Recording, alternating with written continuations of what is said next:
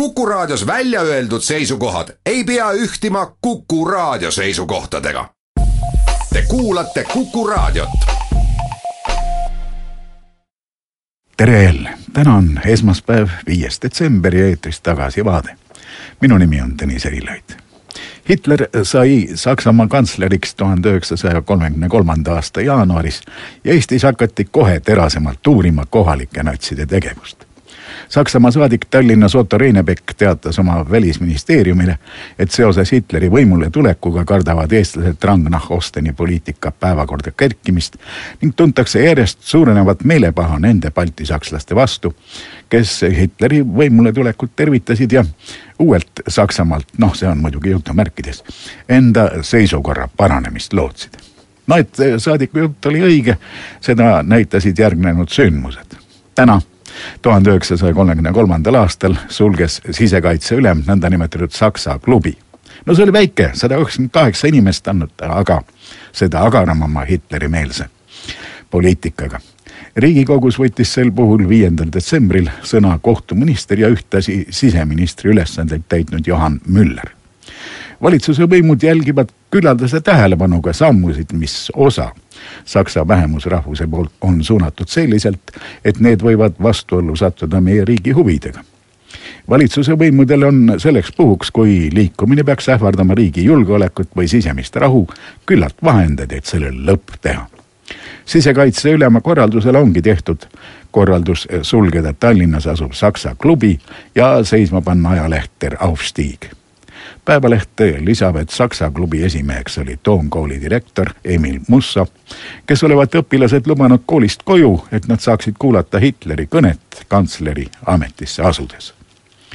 vaba Maa märgib, et riigikogus oli haruldane üksmeel, rahvussotsialistid ja kommunistid asetati ühe pulga peale vaidlus läinud veelgi kaugemale, üks riigikogu liikmeist nõudis, et varem oli saksa keel ilmakeel, mis andis võimaluse tutvuneda kogu maailma kultuuriga.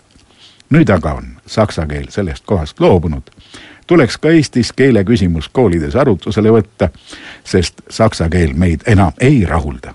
meie ei saa niisugust keelt tarvitada, mis enam vaba ei ole oma väljendusis, kirjutab Vaba Maa ühenduses eh, Saksa klubi sulgemisega korraldati läbiotsimisi nii klubis endas, mis asub Mustpeade majas, kui ühe selle liikme, tuntud pianisti Hans Schulmanni asutatud ajalehe Der Hauptstieg toimetuses ning veel ka üheteistkümne eraisiku juures.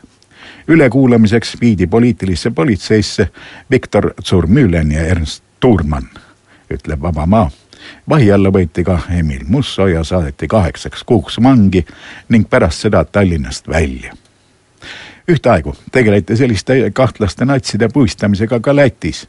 mitu inimest vahistati, välisministeeriumi pressiosakond koos sealse kaitsepolitseiga käis läbi raamatupoed, et kõrvaldada sealt natside ja kommunistidega seotud raamatuid tasub tähele panna, et meie Saksa klubi üks haruldasemaid tegelasi oli Rakvere kirikuõpetaja Egon Pallon kes ajalehtede kinnitusel oli lisaks saksameelsete õpetajate kutsumisele jutlust pidama, seal lubanud pidada koosolekuid ka vabadussõjalastel. ta mõisteti kuuks ajaks vangi, no tõsi küll, tingimisi. kohalik Eesti koguduse õpetaja Egon Pallon on oma saksameelsuse ja demonstratiivsete ülesastumistega konsistooriumi vastu juba karistanud valju noomitusega, kui ta kiriku kantslist mõistis hukka Tallinna toomkiriku ülevõtmist nimelt oli esimeseks Eesti Vabariigi piiskopiks saanud eestlane Jakob Kukk ja traditsiooni järgi kuulus piiskopile ka toomkiriku ülemõpetaja koht no Saksa kogudus, mis oli sel ajal toomkirikus, sellega sugugi nõus ei olnud. riigil ei jäänudki muud üle, kui sekkuda, kirik üle võtta ja asutada Eesti kogudus. pärast viimast rahvahääletust, kirjutab Postimees, ei pidanud Pallon paljuks pidada kirikus vabadussõjalastele tänu Jumala teenistust ja Postimeeski nõuab konsistooriumilt kiiret tegutsemist. Hitlerism on aga oma juuri Rakverest välja ajanud, kurdab Postimees ja toob näiteks Kadrina arsti Harald Samson Himmelstern. tema leidvat, et varsti tekib võitlus ühelt poolt Venemaa ja teiselt poolt Saksamaa vahel Eesti pärast ja selle loomulik lahendus pidavat olema, et Põhja-Eesti läheb Venemaa kätte. Lõuna-Eesti aga jääb Saksamaale olevat juba piiridki paika pandud, kuhu mõni sakslus peab ulatuma ja tema meelest olevat tarvilik, et sakslased hangivad Lõuna-Eestist juba ette viiekümne, saja hektarilisi maatükke, et siis seal Saksa asundusi asutada. toona kolmekümne üheksa aastane kirikuõpetaja Pallon oli aga vähemalt ajakirjanduse andmeil igati Rakvere naiste lemmik tuhande üheksasaja kahekümne seitsmenda aasta jõuludeks oli kogudustele kinkinud hiiglasliku kuldristi, mille hind oli kuuekümne tuhande marga ringis ja kuivõrd kogutud raha jäi veel ülegi, siis osteti talle ka hobune. no omal ajal oli teeninud Rakvere kogudust tema isa, kes poja Saksamaale doktoriõppesse saatis pärast Landesveeri sõda tahtis Pallon kodumaale pääseda, kuid politsei peavalitsus polnud sellega nõus lõpuks valisid vanad koguduse liikmed saatkonna, kes Tallinna siseministeeriumisse läks ja Pallonile sissesõiduloa välja kauples, teab nädalaleht Esmaspäev. aga Rahvaleht omakorda väitis, et olgu muud, mis on, aga Pallon pole ju sakslane. Egon Palloni sugupuu jälgimine viib meid Tartumaale Rõngu kihelkonda, kus Palloni vanavanaisa pidas talukohta, tegi mõisahärrale rendipäevi ja oli puhast verd eestlane osa suguseltsist elab veel praegugi Rõngu kehelkonnas. talupidaja Pallon sai võrdlemisi jõukaks meheks, sai oma pojale Leonhardile anda ülikoolihariduse ja nii saigi Egoni isast Rakvere pastor ja seal hakkasid Pallonid segunema sakslastega.